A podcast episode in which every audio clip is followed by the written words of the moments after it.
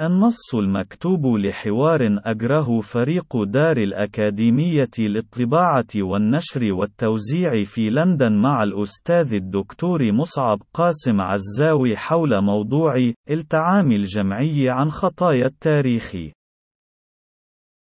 فريق دار الأكاديمية، هل تعتقد بأن هناك اعترافًا على المستوى الثقافي والعلمي في العالم الصناعي المتقدم بما فعلته دولهم في سياق مرحلة الاستعمار الاستيطاني الذي كان المصدر الأول لمراكمة ثروة مجتمعاتهم على حساب نهب المجتمعات المستعمرة وتهشيمها؟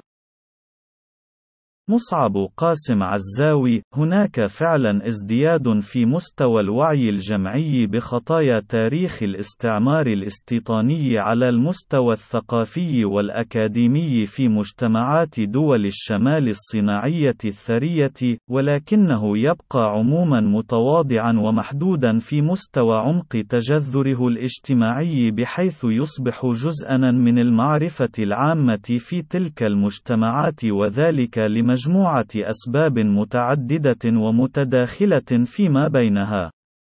وقد يكون على رأس قائمة تلك الأسباب ذلك الجهد المنظم الذي مارسته الدول الغربية في مرحلة ما بعد الحرب العالمية الثانية أساسًا لتوطيد مفاعيل دولة الرفاه، والتي كانت في جوهرها تكيفًا مع حضور المشروع السوفيتي بقوة في الساحة العالمية، بعد انتصاره على الآلة الشمشونية لألمانيا النازية التي كادت أن تحتل وتدمر كل القارة الأوروبية، وهو ما عنا حضورا قويا في الوعي الجمعي لمواطن الدول الغربية لشكل الخدمات الذي كان يقدمها نظام الاشتراكية القائمة بالفعل في الاتحاد السوفيتي لمواطنيه وخاصة تلك المتعلقة بالرعاية الصحية الشاملة والمجانية والتعليم المجاني والإسكان شبه المجاني، وهي السياقات الخدمية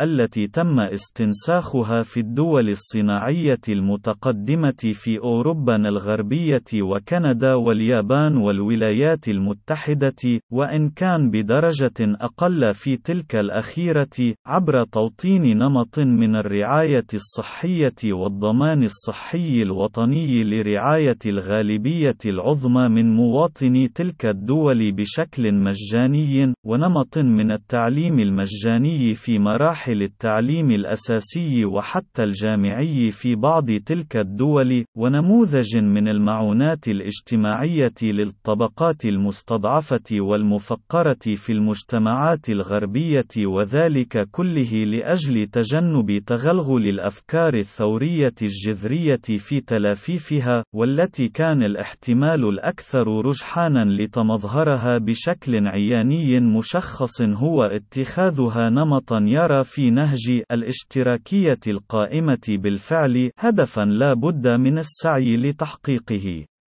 ولا بد من الاعتراف بأن ذلك النهج في تبني مرتكزات دولة الرفاه في مجتمعات دول الشمال الغني ساهم بالتوازي مع الجهود المنظمة لتهشيم القوى النقابية والاتحادات العمالية في تلك الدول في التأسيس للتراجع المضطرد لكل الاحتمالات الثورية في حدود حياضها الجغرافية، إذ أن الرهط الأعظم من الشرائح الاجتماعية المفقرة المستضعفة فيها وخاصة من عديد الطبقة العاملة تم تسكين معاناتها عبر مفاعيل دولة الرفاه مما حولها بالتدريج إلى نموذج من الطبقات الوسطى المختلفة عن كينونتها الطبقية والفكرية السالفة عبر روافع دولة الرفاه نفسها، وهو ما أفضى بشكل عفوي لنمط تلفيقي من الوعي الجمعي الاستكاني والمتعامي عن الآلية التي حصلت بها دولهم على تلك الثروات التي يتم رشرشتها هنا وهناك كجزء من التزامات دولة الرفاه، أو عن الكيفية التي سوف يتم بها استدامة تدفق تلك الثروات في المستقبل، خاصة في مرحلة استقلال دول المستعمرات عقب الحرب العالمية الثانية، والذي قامت الدول الاستعمارية في سياقه باستبدال نمط الاستعمار القديم بقوة الحديد والنار بنموذج جديد من الاستعمار لا يتضمن الجزء الاستيطاني في تكوينه البنيوي، إذ أنه يقوم على كاهل النواطير من المستبدين المفوضين بحفظ وتسيير مصالح نفس المستعمرين القدماء، وضمان حصولهم من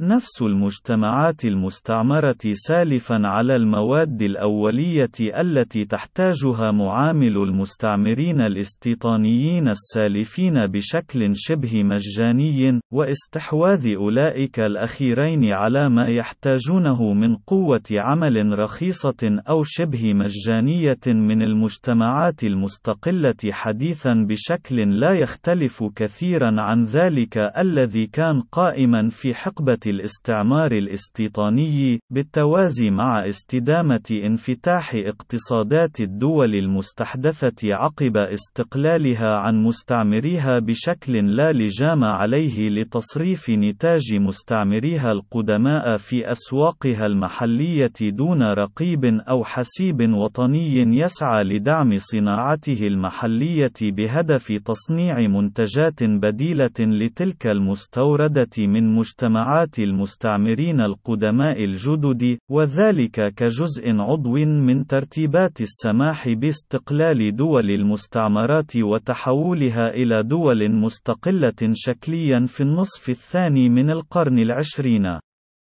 وجماع ذلك كله كان لا بد أن يفضي لتشكل وعي شقي زائف في المجتمعات الصناعية المتقدمة فيما يتعلق بممارسات الاستعمار القديم والمستحدث ممثلا بسيرورة العلاقات التاريخية بين مجتمعات الأغنياء والمجتمعات المنهوبة المفقرة، ناظمه الأساسي التعامي عن مصدر مراكمة الثروات في مجتمعات الأغنياء تاريخيا وراهنا، إذ أن الالتحام والاشتباك مع هذا الموضوع سواء قليلا أو كثيرا لا بد أن ينزع شرعية تلك الثروات والخدمات التي يتنعم بها مواطنو الدول الصناعية المتقدمة أثرياء أو مفقرين مسنودين بمفاعيل دولة الرفاه، وهو أدى لانحشار الحديث والبحث في مصادر الثروة في المجتمع المجتمعات الغربية وكيفية تراكمها فيها تاريخيا وراهنا في أروقة أكاديمية وبحثية لم تجد طريقا فعليا لأن تصبح مؤثرة بأي شكل كان في حركية دول مجتمعات دول الشمال الغني ووعي وذهنية مواطنيها.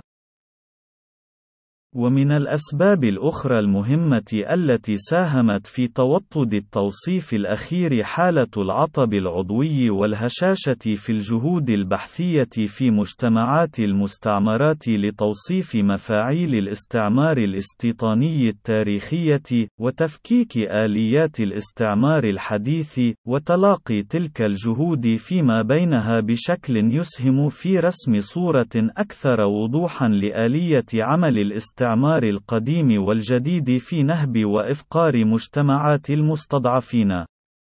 وهو واقع مأوف لا يستقيم تعليق وزره على شماعة الأكاديميين المتكاسلين والقادرين ضمنيا على البحث العلمي في المجتمعات المفقرة في دول الجنوب المنهوب نظرا للواقع البائس الذي يعيشه جلهم، وهم يكابدون مفاعيل استبداد الطغم الحاكمة المفوضة بتسيير مصالح المستعمرين القدماء، بالإضافة إلى واقع هشاشة مجتمعاتهم والتي قد تكون المهمة الأكثر إلحاحية فيها على أي مظلوم قدر له أن يعيش فيها هو محاولة البقاء على قيد الحياة وعدم الفناء جوعا أو فرمنا بآلات وأدوات الاستبداد الوحشية النهبوية المتغولة على تلك المجتمعات وحيوات من يعيش فيها عمقا وسطحنا وعموديا وأفقيا.